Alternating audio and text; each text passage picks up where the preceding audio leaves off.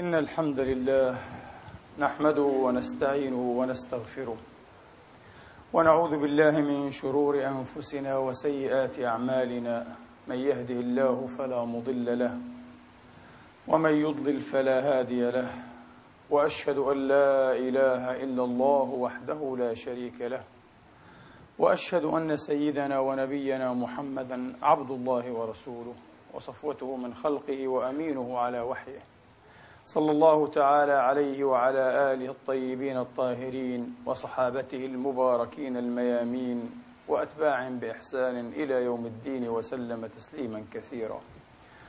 عباد الله أوصيكم ونفسي الخاطئة بتقوى الله العظيم ولزوم طاعته. كما أحذركم وأحذر نفسي من عصيانه ومخالفة أمره. لقوله جل من قائل من عمل صالحا فلنفسه. ومن أساء فعليها. وما ربك بظلام للعبيد.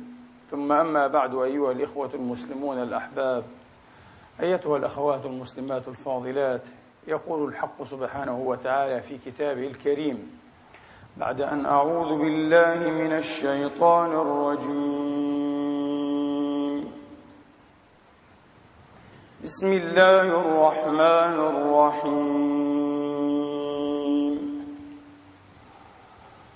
هل أتى على الإنسان حين من الدهر لم يكن شيئا مذكورا؟ إنا خلقنا الإنسان من نطفة أمشاج نبتليه فجعلناه سميعا بصيرا. إنا هديناه السبيل إما شاكرا وإما كفورا. إنا أعتدنا للكافرين سلاسل وأغلالا وسعيرا. إن الأبرار يشربون من كأس كان مزاجها كافورا. عينا يشرب بها عباد الله يفجرونها تفجيرا. يوفون بالنذر ويخافون يوما كان شره مستطيرا.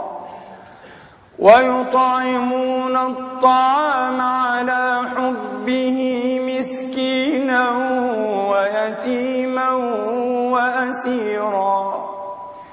إنما نطعمكم لوجه الله. لا نريد منكم جزاء.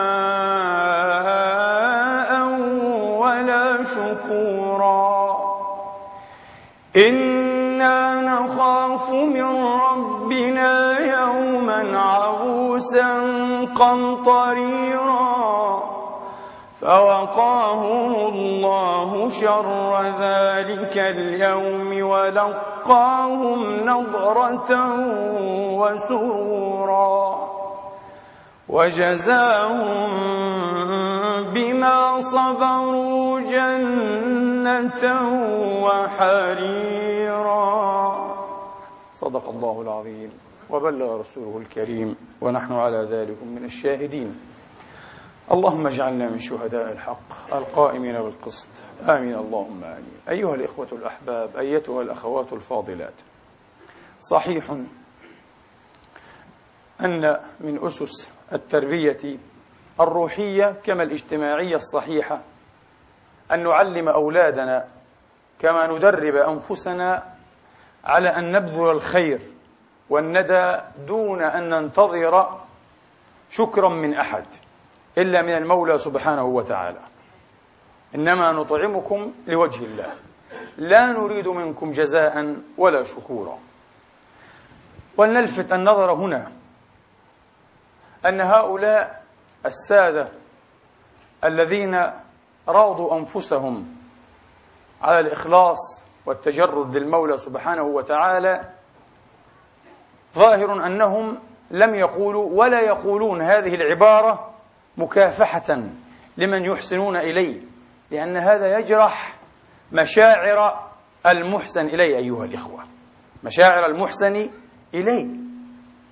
بالحري هم لا يقولون لهم إنما نطعمكم لوجه الله لا نريد منكم. لم يقولوا هذا. إنما يقولون هذا في أنفسهم. يفعلون هذا ويخاطبون إيه؟ أنفسهم. في مثل هذا المشهد التخيلي. آه. وهذا أيضا من علائم الإخلاص ومن متمماته. من شارات الإخلاص ومن متمماته. بمقدار ما هذه الحقيقة صحيحة مقررة صحيح أيضا أيها الإخوة أنه لا يصح البتة ولا بأي وجه من الوجوه أن نشتق منها نتيجة فضلا عن أن نجعلها حقيقة وقاعدة تقرر تقول إذا لابد أن نسير هؤلاء المخلصين فيما هم بصدره وبسبيله أيها الإخوة من رياضة أنفسهم على الصدق والإخلاص والتشحر لله سبحانه وتعالى فلا نسمعهم كلمة شكر. هذا كنود. هذا كنود. بعض الناس يمكن أن يشتق أيها الإخوة دليلا وبرهانا لحالة الكنود التي طالت منها شكاة الناس في كل زمان. التي طالت واستطالت منها. شكاة البشر شكاة المنعمين شكاة الأجواد والمحسنين.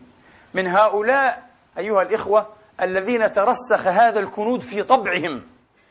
وإذا كان الإنسان لربه أيها الإخوة كنودا فكيف لا يكون كنودا إزاء البشر إزاء أنعام البشر؟ فيما يروى أيها الإخوة في أدبيات النصارى أن روح الله عيسى صلى الله تعالى عليه وآله وأصحابه وسلم قد شفى بإذن الله تبارك وتعالى في يوم واحد عشرة من الناس. ويستتلي الراوي يقول ولكن واحدا منهم فحسب هو الذي عاد وتقدم إليه بكلمة امتنان. التسعة أيها الإخوة لم يلووا على شيء عادوا بأبصارهم ولم يلووا على شيء. عجيب طبع هذا الإنسان. وهو مع الله سبحانه وتعالى أعجب. آه.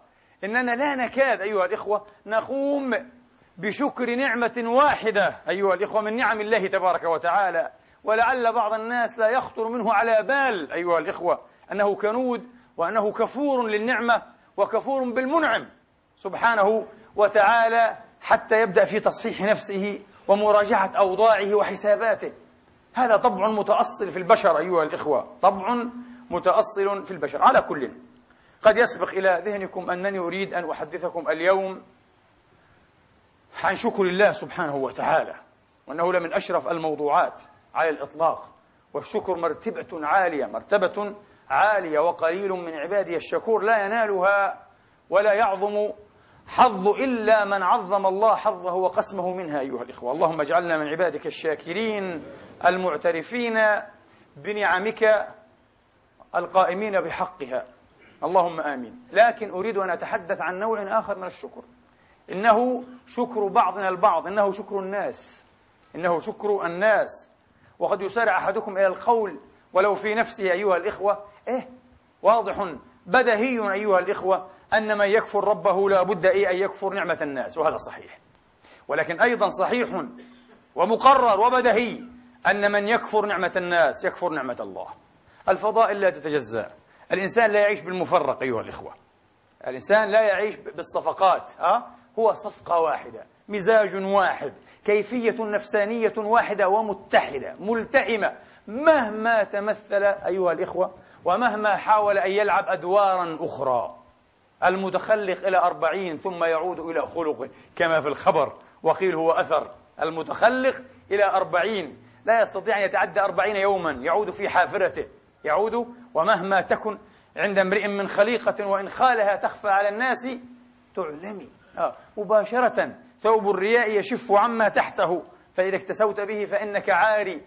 الإنسان لا يستطيع أن يكون, أن يكون ممثلا بارعا إلا ربما على الخشبة.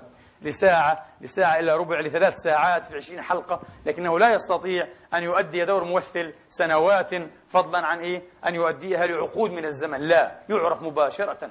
ولذلك في الحديث الصحيح الذي خرجه الإمام أحمد رضي الله تعالى عنه والإمام الترمذي وقال حسن صحيح وأبو داود وابن حبان والطبراني والبيقي وكثيرون من رواة أبي هريرة رضي الله تعالى عنهم وأرضاهم أجمعين. قال صلى الله عليه وآله وأصحابه وسلم من لا يشكر انتبهوا لم يقل من لا يشكر ليست قضية إنشائية أيها الإخوة ليست قضية شرطية إنها قضية خبرية فرق كبير بين من لا يشكر الناس وبين من لا يشكر الناس. النبي قال من لا يشكر من لا يشكر الناس. لا يشكر الله.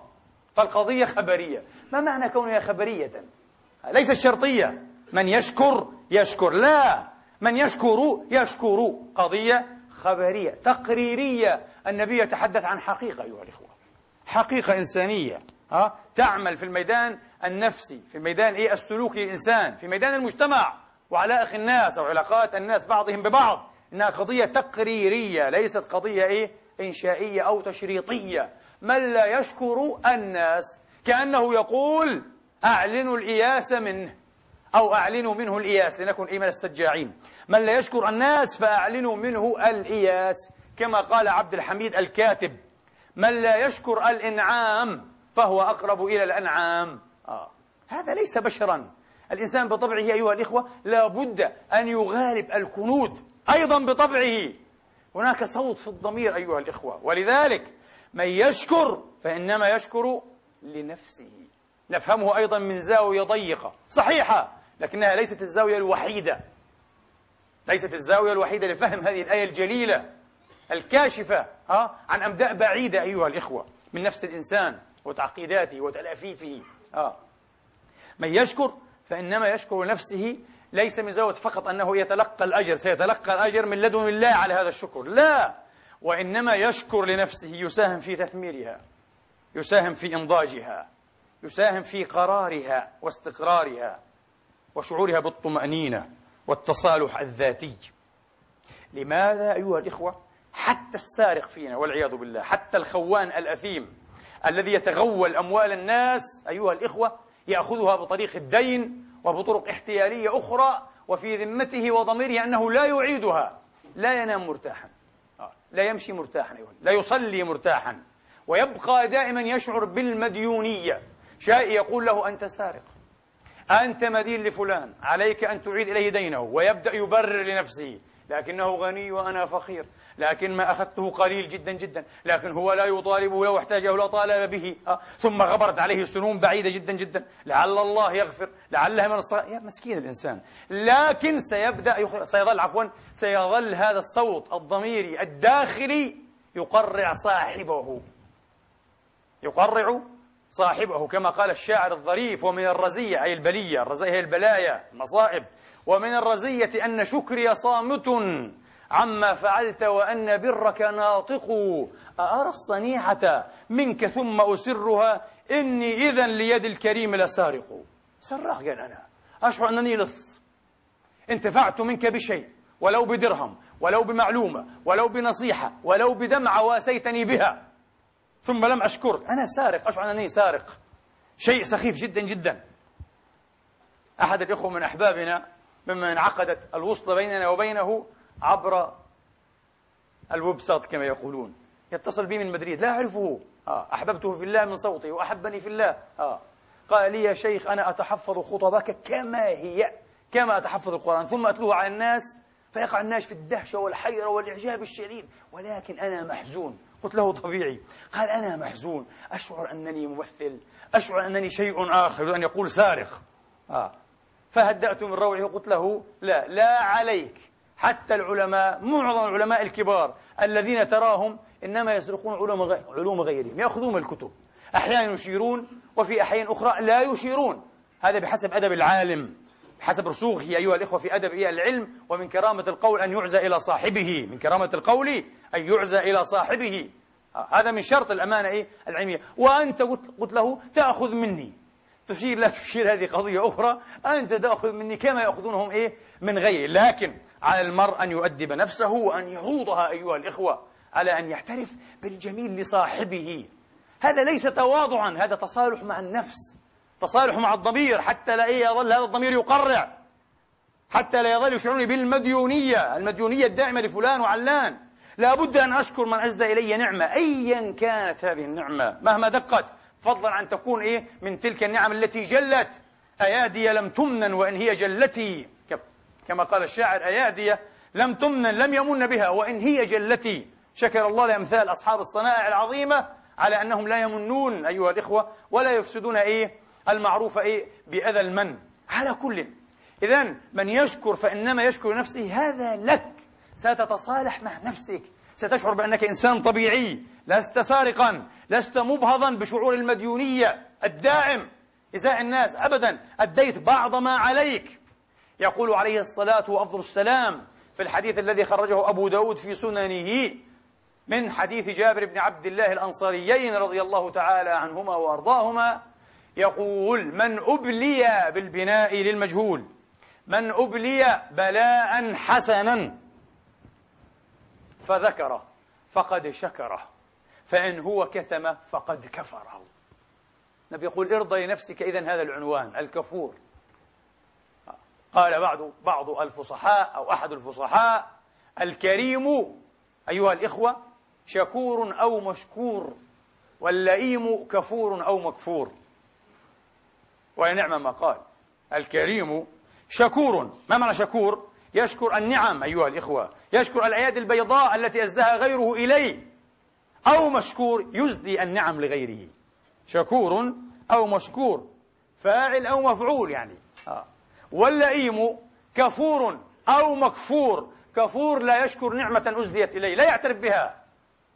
أيها الإخوة إن في بعض الناس وهما قاتلا قبيحا يشوه إيه؟ صفحة مسلكهم وأخلاقهم. الظاهرة والباطنة يظنون أن النعم التي يتفضل بعض الناس بإزدائها إليهم يظنونها حقا لازما وواجبا حتما. حقا لازما لهم وواجبا حتما على غيرهم. فأنت إن فعلت هذا لم تفعل شيئا. أنت أعطيتني وتفضلت ببعض حتى لم تتفضل. أنت تقدمت ببعض ما يجب لي عليك. لماذا؟ لما؟ لست أباك. لست أمك أه؟ أبدا يظن هكذا ولذلك لا يكاد أمثال هؤلاء يستشعرون نعمة من يسدي إليهم قلت مرة في هذا المقام ترى من بعض الناس شيء عجب أيها الإخوة شيء عجب شيء عجب آه. أنه إن جاء مثلا يستمع إلى مثل هذه الخطبة يريد أن يشعرك أنت الخطيب مثلا بأنه يتفضل عليك عجيب من يتفضل على من آه. آه.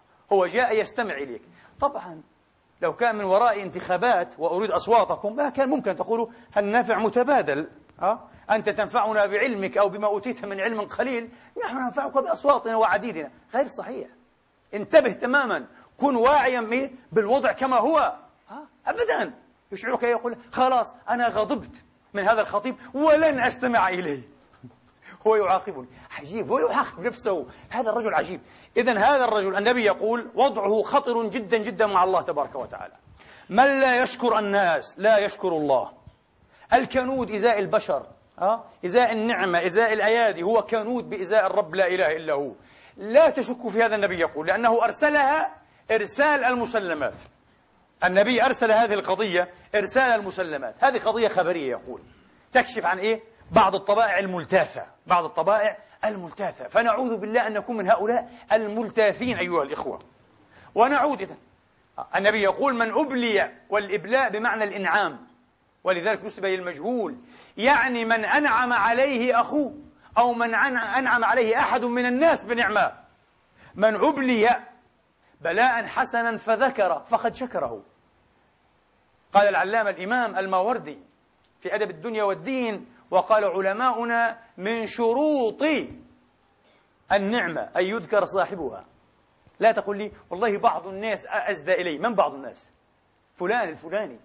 حتى وإن كان أصغر منك منك سنا أو أصغر منك قدرا أو علما أو رتبة وحيثية اجتماعية. قل يا أخي لأنك أخذت منه إيه المنة.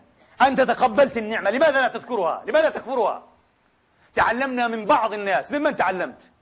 من الشافعي وأحمد والصادق ممن تعلمت؟ اذكر الذي تعلمت منه. اذكر النبي يقول وإلا كنت كفورا. هذه عنجهية في النفس أيها الإخوة كبر والعياذ بالله. لا يريد أن يتواضع بذكر المديونية لمن يراه أقل منه. على كل حال حين قبلت نعمته لم تكن أقل منه لأن اليد العليا خير من اليد السفلى. الذي أعطى وامتن هو أعلى. انتبه حتى وإن كان أقل اجتماعيا. وأقل في الرتبة وأقل في الحسب والنسب. هو الآن من هذه الحيثية أعلى منك. وهكذا الناس للناس من بدو وحاضرة بعض لبعض وإن لم يشعروا خدموا كما قال إيه؟ أبو الطيب طيب الله ذكره. يجب أن تدرك هذا أنت لست إلها ولست شيئا. إيه مستغني عن الخلق أنت كائن اجتماعي. تحتاج الناس ويحتاجونك. تنعم على الناس ونعم عليك. تأخذ وتعطي. تعرفون شرط الإنسان السوي الصحيح نفسيا هو أنه يأخذ ويعطي أيها الإخوة. ويعترف ويحب أيضا أن يعترف له. صحيح. هو لا يفعل. باعثه الأول المؤمن المخلص باعثه الأول ليس طلب الشكر من الناس ولعله لا يحبه لكن لست أكذبكم. حين يشكر فإنه يرضى. يشعر برضا طبيعة إنسانية. لا نقول ضعف بشري حتى كما يقول دائما أعتقد أن هذه طبيعة إنسانية. واحد يقول يا أخي رب العالمين حتى يريد الشكر. لا لا تغلطوا. لا تغلطوا. الله تبارك وتعالى لا يريد الشكر لنفسه. يريد الشكر لنا. من أن من أجل أنه يحب تكميلنا. الله خلقنا. نحن الكائنات المعجزة المسماة بالبشر كائنات معجزة عجزية نادرة فريدة. ويحب لنا أن نتكامل. أن نتكامل أيها الإخوة. أن ننضج. أن نصبح كائنات راقية حقا. أن نستحق لقب الخليفة أيها الإخوة. الخليفة المكرم في هذه الأرض. ولذلك قال ولا يرضى لعباده الكفر. وإن تشكروا يرضه لكم. شوف التعبير العجيب. لم يقل ولا يرضى من عباده الكفر. وإن تشكروا يرضه منكم. لكم. هو يحب الشكر ويرضاه لنا من أجلنا. من أجل أن نصبح متكاملين. من أجل أن نصبح شخصيات راقية. شخصيات مهذبة. بعض الناس يظن أنه حين يظهر الشكر والامتنان يصبح صغيرا. بالله الذي لا إله إلا هو. أنت صغير لم تفعل. في الخطبة السابقة اقتبست الفيلسوف والأديب الإنجليزي توماس كارلايل صاحب البطولة حين قال عبارة عظيمة جدا جدا وجميلة وجليلة وحلوة قال ألا يشعر الرجل الكبير بالإجلال لنفسه أيها الإخوة بالعظمة الداخلية ها؟ حين يظهر تواضعه لمن هو أعظم منه يشعر الإنسان الكريم يشعر بهذا لماذا؟ يشعر بأنني لست مريضا لست معقدا لست ملتهفا نفسيا لست حسودا لست غيورا لست حقودا لست غشاشا لست مزيفا. أنا إنسان واضح. الله امتاز علي بالمزايا وهبني خصائص وأعطاني عطايا لكن يبدو أنه أعطى فلان أكثر مني في باب فلان. فلأعترف بهذا. لأعترف بهذا. سأشعر بالتصالح أيضا وسأهرب من الشعور المبهض للمديونية. الآن لست مدينا. اعترفت. هو أفضل مني في هذه الناحية. سأعترف على رؤوس الملأ. بعض الناس يعترف فيما بينك وبينه. يوشوش لك. آه. وفي الناس يذمك. هذا سارق الأيادي. انتبهوا. هذا شخص يعاني من شيء نفساني مسكين يحتاج العلاج مسكين ماذا نعمل له؟ ليس طبيعيا. الله لا يرضى هذه الحالة. الأب أيها الإخوة الأب. آه. الذي يحتاج 300 400 نصف مليون يورو. ويشتري لابنه لعبة. سيارة هكذا مثلا أو مسدسا أه. ب 50 سنت ب 2 سنت. آه. يعطيه لابنه. طبعا هذا لا يضره أبدا. أعطاه لا منعه لا يعني شيئا للأب. ولكن الأب يشعر بامتعاض وبشعور قلق إزاء وضع ابنه الذي لم يشعر بدافع يحفزه إلى أن يأتي فيقبل إيه وجنة أبيه أو يده ويقول له شكرا بابا بارك الله فيك جزاك الله خيرا أنا فرح بهذه الهدية شكرا لك على هذه السيارة لماذا؟ هل الأب يحتاج فعلا هذا الشكر يعني؟ هل يتكامل به يعني؟ هل يسد فيه شيئا؟ لا لكن قلق الأب مبرر تماما من البداية حتى النهاية لماذا؟ نفهم هذا؟ إذا فهمنا شعور الأب المطمئن المرتاح حين يشكر ابنه. لماذا؟ سنفهم إذا الأولى. لأنه يشعر بالطمأنينة على مستقبل ابنه. يشعر أن ابني هذا سيكون شخصية ناجحة اجتماعيا. هذا ذكي اجتماعيا. سيعيش محترم بين الناس. سيحبه الناس ويحب الناس. سيألف الناس ويألفه الناس. سيوقر الناس ويوقره الناس. انتبهوا. مهمة جدا جدا. بعض الناس لا يستطيع حتى أن يوقر الآخرين. أكثر ما ترى منه الأذية والعياذ بالله. تحسن مئة مرة فيسكت عنها. ربما يثني عليك مرة. تسيء مرة في وهمه. يأتي يريد أن يجعلها قبة يهدمها على رأسك.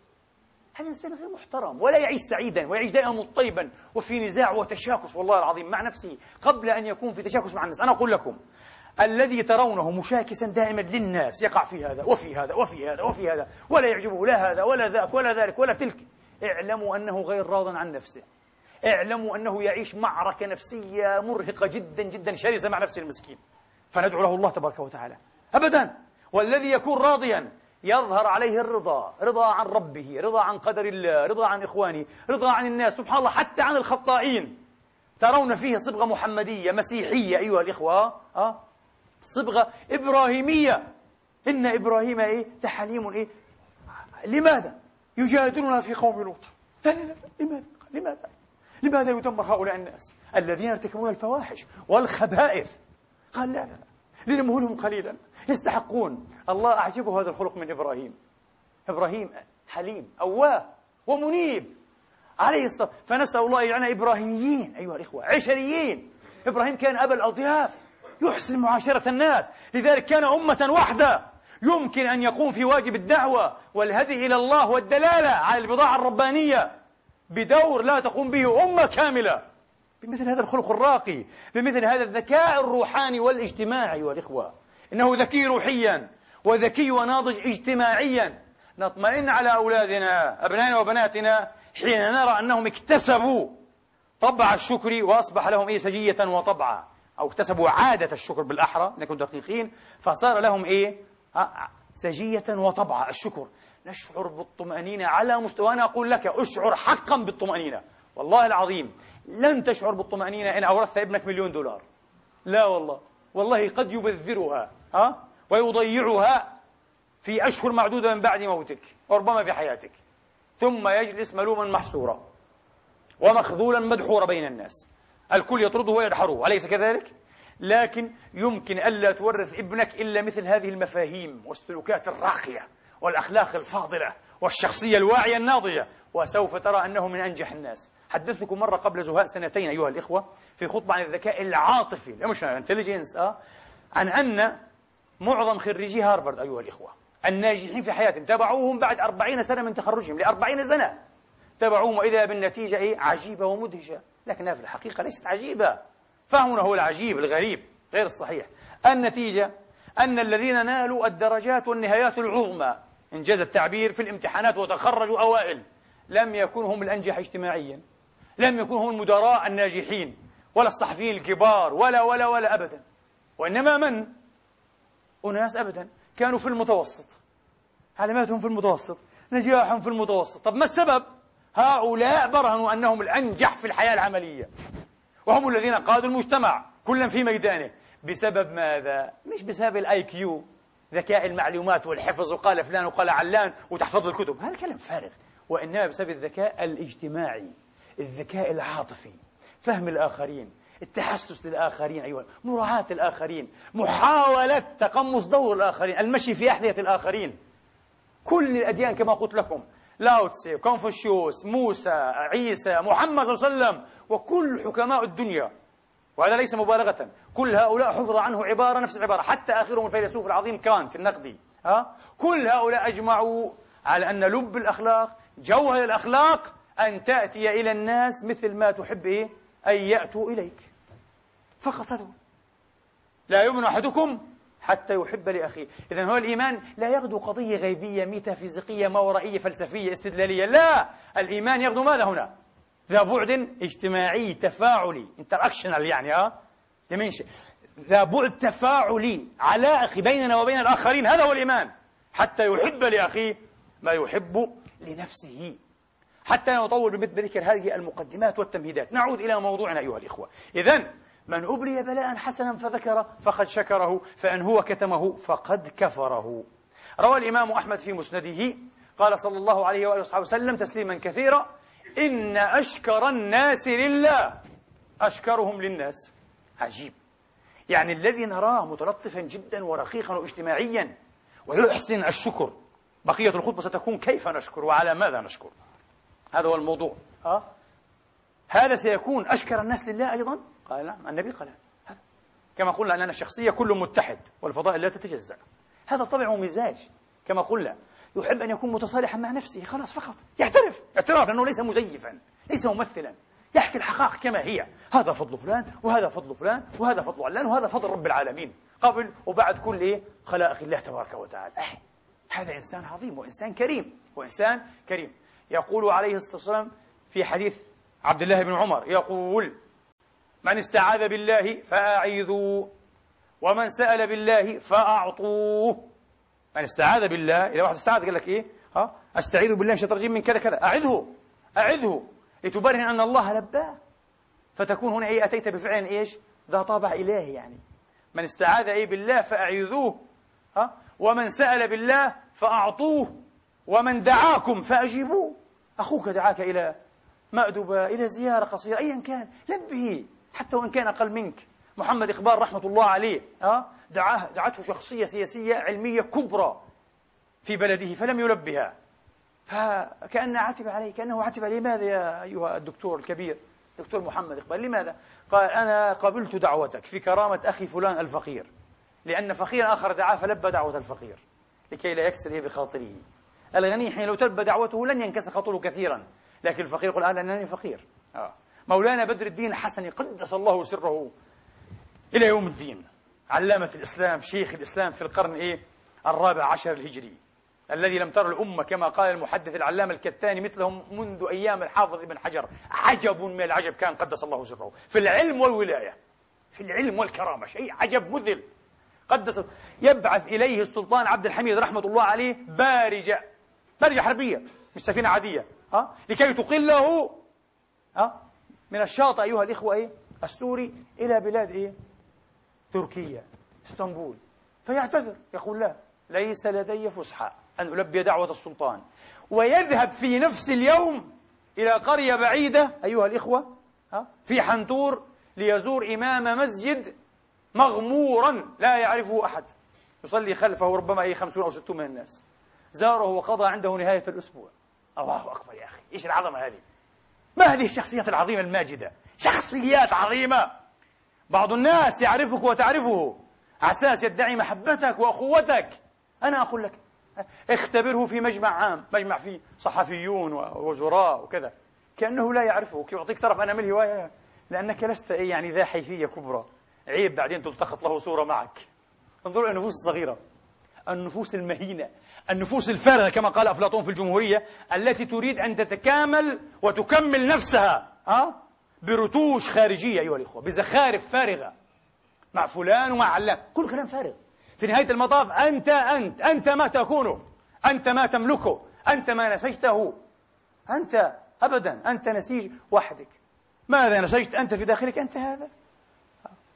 تتصور مع رئيس الجمهورية لن تصبح أي صديقا لرئيس الجمهورية. الناس يعرفون هذا.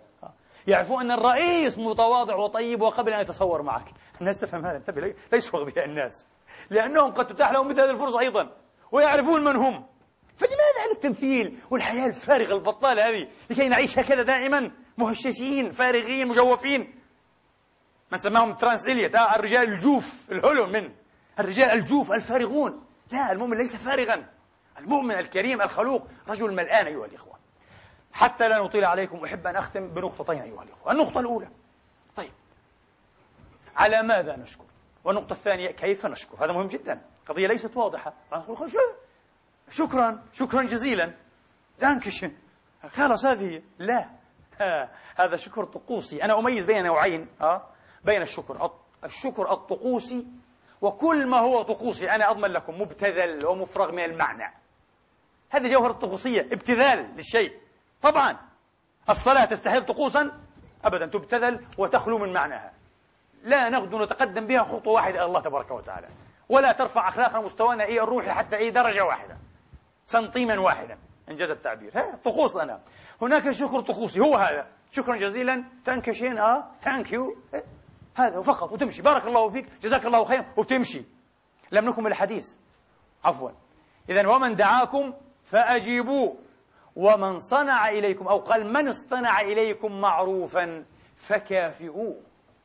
من أخلاق المؤمن المكافأة.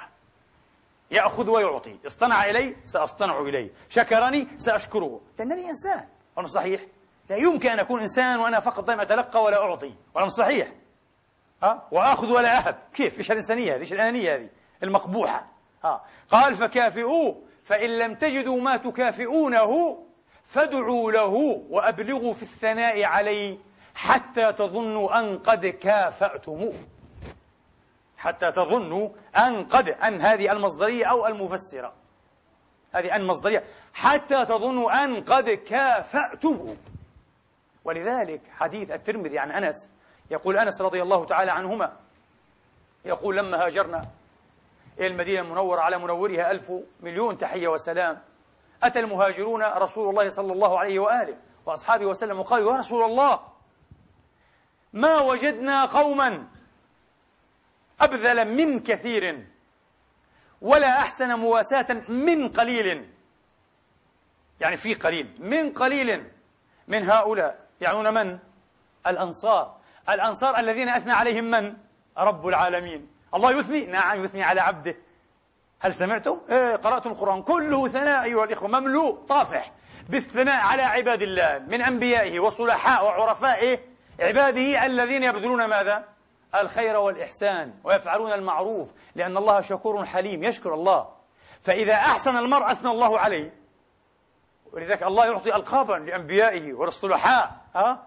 حليم أواه غفور منيب شكور أليس كذلك؟ كريم. يعطي رؤوف رحيم لرسول الله يعطي ألقاب رب العالمين يوزع انتبهوا مش نايشين يوزعها إيش؟ ها لواء فريق ولا ركن عميد ولا مش عارف. لا رب العالمين لأنه شكور يثني ولا يكتفي بالثناء أبدا. يضم تبارك وتعالى هذا معنى كونه شكورا. إلى الثناء وحسن الأحدوثة ينشرها بالناس بالوحي.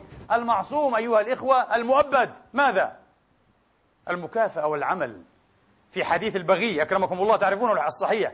قال فشكر الله لها فغفر لها. متى غفر لها؟ حين شكر لها.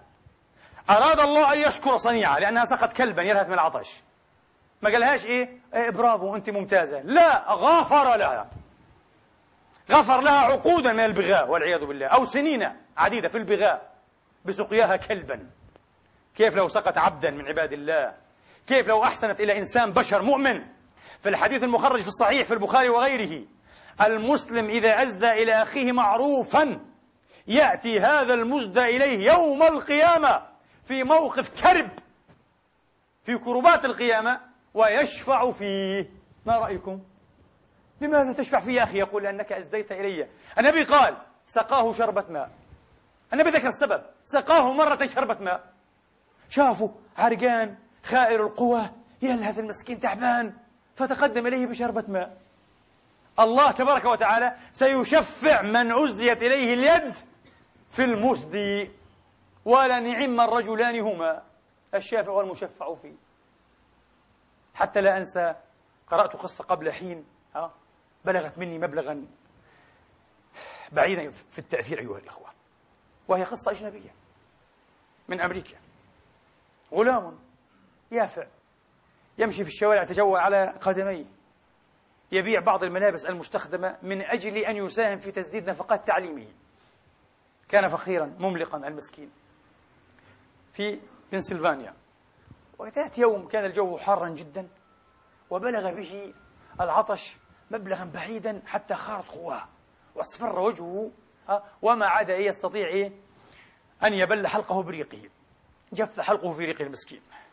فقرر أن يتسول يتكفف. الطعام من أول منزل إيه؟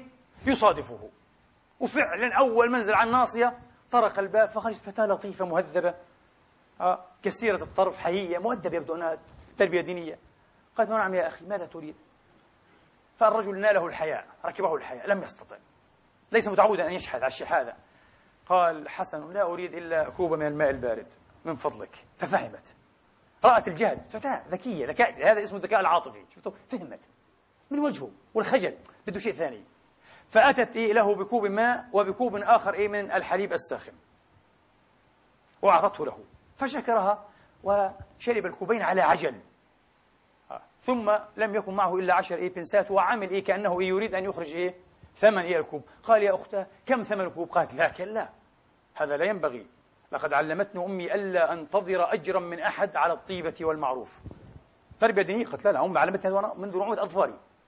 افعل الخير كما نقول ارميه في البحر. لا نريد منكم جزاء ولا شكورا. لا نريد هذا. فقال شكر الله لك ثم انطلق. وكرت السنون أيها الإخوة. ولعلها إيه؟ بضع عقود. أو بضعة عفوا بضعة عقود. كرت السنون كبرت هذه الفتاة المسكينة. وكان إيه؟ يعني حالها من ناحية مالية إيه؟ كما يقال إيه؟ يعني غير متيسر. كانت تعيش في عسرة أو شبه عسرة. ألم بها أو نزل بصحتها مرض عضال. برح بها حتى عجز كل أطباء قريتها الصغيرة أيها الإخوة إيه؟ في تلك الولاية عن معالجتها. وارتأى بعضهم بعد ذلك أن يبعثوا بها إلى أعظم مستشفى في الولاية على الإطلاق وفيها أعظم قسم لأمراض النساء والولادة. وفعلا نزلت المستشفى وهي لا تدري استسلمت للقدر لا تدري كيف ستسدد الفاتورة بعد ذلك. فاتورة هذه المشفى إيه؟ الكبيرة الشهيرة. أرقى مستشفى على الإطلاق. آه. ولكن الله تبارك وتعالى يسر لها طبيبا كان رئيس قسم الولادة يعني نساء التوليد أيها الإخوة. آه. وكبير المستشارين في المستشفى. وهو واحد من أربعة أسسوا تلكم إيه؟ المشفى. مشفى جونز هوبكنز. هو أحد هؤلاء الذين أسسوها. عام 1895 ميلادية أسست إيه؟ جونز هوبكنز إيه؟ آه في تلك السنة أسست. هذا كان أحد الأربعة وكبير مستشارين. الله قذف في قلبه الرحمة بها والشفقة عليها ووفرها آه فجعل يعنى بها أجر لها كل الفحوصات ثم دخل في معركة شرسة مع المرض إيه اللعين. انتهت بفضل الله بإجراء عملية طويلة مرهقة ها ساعده فيها جماعة من معاونين أطباء المهرة وبفضل الله مع الأيام بعد أيام قليلة ظهرت النتيجة المبهرة المفرحة لقد نجحت العملية. وبدأت تنقه الفتاة أو المرأة وتتعافى تتماثل للشفاء التام بفضل الله عز وجل. وجاء اليوم الذي ينبغي إيه؟ أن تسرح فيه من المشفى وأن تدفع الفاتورة البل ولكنها كانت في حالة توتر شديدة جدا جدا. لماذا؟ لأنها لا تدري كم ستبلغ هذا الفاتورة. وبالحري هي إيه؟ مبلغ عظيم جدا جدا لعلها ستبقى تعمل. بيديها إلى أن تموت حتى تسدد تلكم الفاتورة بقيت متوترة مسكينة آه، في حالة ترقب. إلى أن جاءتها إحدى الممرضات آه، بالفاتورة في مظروف هكذا على طبق أو في ظرف عفوا. المظروف هي الفاتورة. آه، جاءت بها في ظرف فأخذتها بيدين مرتعشتين وبخط أحمر مباشرة انتقل إيه؟ انتقل نظرها إلى أسفل الورقة حيث خط بالأحمر العبارة التالية. It paid full أو in full with cup of milk. With one cup. واحد فقط مش حتى. With one cup إيه؟ of milk. لقد دفعت بالتمام سددت. Paid in full يعني سددت تماما هذه الفاتورة بكأس من اللبن مع خالص الشكر. فتأثرت. لم تكد تتذكر. آه. ما معنى العبارة؟ وبعد أقل من دقائق جاء إيه الطبيب الفارع الطول المهذب المحيا الخلوق البروفيسور الدكتور هوارد كيلي أحد المؤسسين الأربعة كما قلت ورئيس قسم النساء والتوليد. قال لها سيدتي الكريمة والمرأة الرحيمة أتعرفين من أنا؟ قالت لا. قال أنا هوارد الصبي الذي مننت عليه قبل كذا وكذا سنة بكوب من اللبن. كل ما قدمته أرجو أن أكون ساهمت بتسديد ما علي من دين إزائك أيتها المرأة الرحيمة. الله أكبر. إذا هكذا يكون الشكر. مش ثانك يو مع السلامة انتهينا. لا. لذلك يقول الشاعر أيها الإخوة والشكر أعم من الحمد. باعتبار ماذا؟ ها؟ باعتبار وسائل وطرق أدائه والتعبير عنه. قال الشاعر العارف أفادتكم النعماء مني ثلاثة. يدي ولساني والضمير المحجبة. يدي للطاعة. الشكر يكون بالطاعة. ها. ولساني بالثناء والضمير المحجبة بالتوقير والمحبة. هذا هو الشكر. الشكر يكون باللسان ويكون بالقلب واستشعار النعمة والفضل المنعم ويكون إيه؟ بالفعل والسلوك بالجوارح بالأعضاء. كما فعل البروفيسور آه هوارد كيلي. طيب الله ذكره حقيقة. شيء عجيب جدا جدا ومؤثر أيها الإخوة. نحتاج نتعلم هذا. للأسف أدركنا الوقت. على كل حال على ماذا نشكر؟ أنا أقول لكم لا ينبغي أن نبقى دائما أسيرين النظرة الحسية المادية. نشكر لمن أعطانا شيئا إيه؟ محسوسا. كمية من النقود هدية نأكلها نلبسها نركبها. جميل جدا بلا شك هذا شيء طيب. ولكن أيضا هناك معنويات رمزية كبيرة لعلها في أكثر الأحيان والله أهم من الماديات وأهم من مئات آلاف الدولارات. ماذا؟ مثلا شخص أيها الإخوة حين سمع بمصابك بكل انفعال صادق آه هملت عيناه بكى من أجلك من أجل أمك المتوفاة. من أجل ابنك المريض. ودعا له. معروف كبير جدا جدا جدا عليك أن أن تشكره وأن تجزل له الشكر. هذا شيء كبير جدا جدا أنه يبكي. هذا إنسان عظيم مش مش شيء سهل. شخص أتاك من دون العالمين وهو شخص كريم مش مهذار مذياع مكثار. لا شخص كريم متعلم له حيثية. وجاءك وجلس معك بعد أن استأذن واستماحك الفرصة أيها الإخوة والأخوات وأفضى إليك بمكنونه أو ببعض سره أو بثك بعض بثه وهمه. عليك أن تشكره أيضا ولا تشعره إيه؟ بالإبهاض أنه يعني يأخذ من وقتك. عليك أن تشكره لأنه جعلك موضع إيه؟ ثقته. هذا يعطيني شعورا طيبا إزاء نفسي أنني موضع ثقة الناس. هذا إنسان محترم. إنسان محترم هذا. له حيثية في المجتمع. حين يخصني أنا بذكر هذه المسألة الفاضحة أو المسألة إيه؟ الكارثة أو المسألة الكبرى من دون الناس من دون أخيه من أمه وأبيه. معناه هذا أسدى إلي خدمة كبيرة. دعم ثقتي بنفسي. أليس كذلك؟ يجب أن أشكره أنا لأنه تمنني على سره وبثني نجواه أليس كذلك؟ ولكم أن تفكروا عاد في عشرات بل مئات الأشياء على هذا الطراز لأن الوقت أدركنا. كيف نشكر؟ هذه قضية لا تقل عن القضية الأولى إيه؟ أهمية. كيف نشكر؟ انتبهوا. اتركوا الشكر الطقوسي. حتى جزاك الله خيرا النبي قال من قال لي أول حديث فيه غرابة كما قال الترمذي. حديث أسامة بس فيه غرابة ضعيف الحديث. لكن آه، يعني هو حق أن يكون ضعيفا. لا لما تقول لواحد جزاك الله خيرا ما تقوليش أبلغت له إيش في الثناء إنه هذا كافي. لا مش كافي. الشكر بيكون باللسان زي ما قلنا إيه وبالأركان وبالقلب أيضا وبالجنان ها. والحديث ضعيف بفضل الله عز وجل. ضعيف. ما, ما أنت أفهم من الرسول أنت يا عدنان يعني تتفلسف علينا ما النبي قال؟ قولوا جزاك الله خيرا خلاص يكفي. لا حديث فيه ضعف الحمد لله على كل حال ولكن هذه حتى لو كانت تكفي من حيث هي لكنها بالابتذال والطقوسية فرغت من معناها. هذا الشكر الطقوسي شكرا شكرا. وظلنا ماشيين على ماذا شكرا؟ أبدا. أقول لكم عاد يمكن ثلاثة نقاط فقط. ثلاث نقاط عفوا. النقطة الأولى. على الشكر أن يكون طابعه فرديا شخصيا. بمعنى أن تقول له أحمد لك. أشكر لك.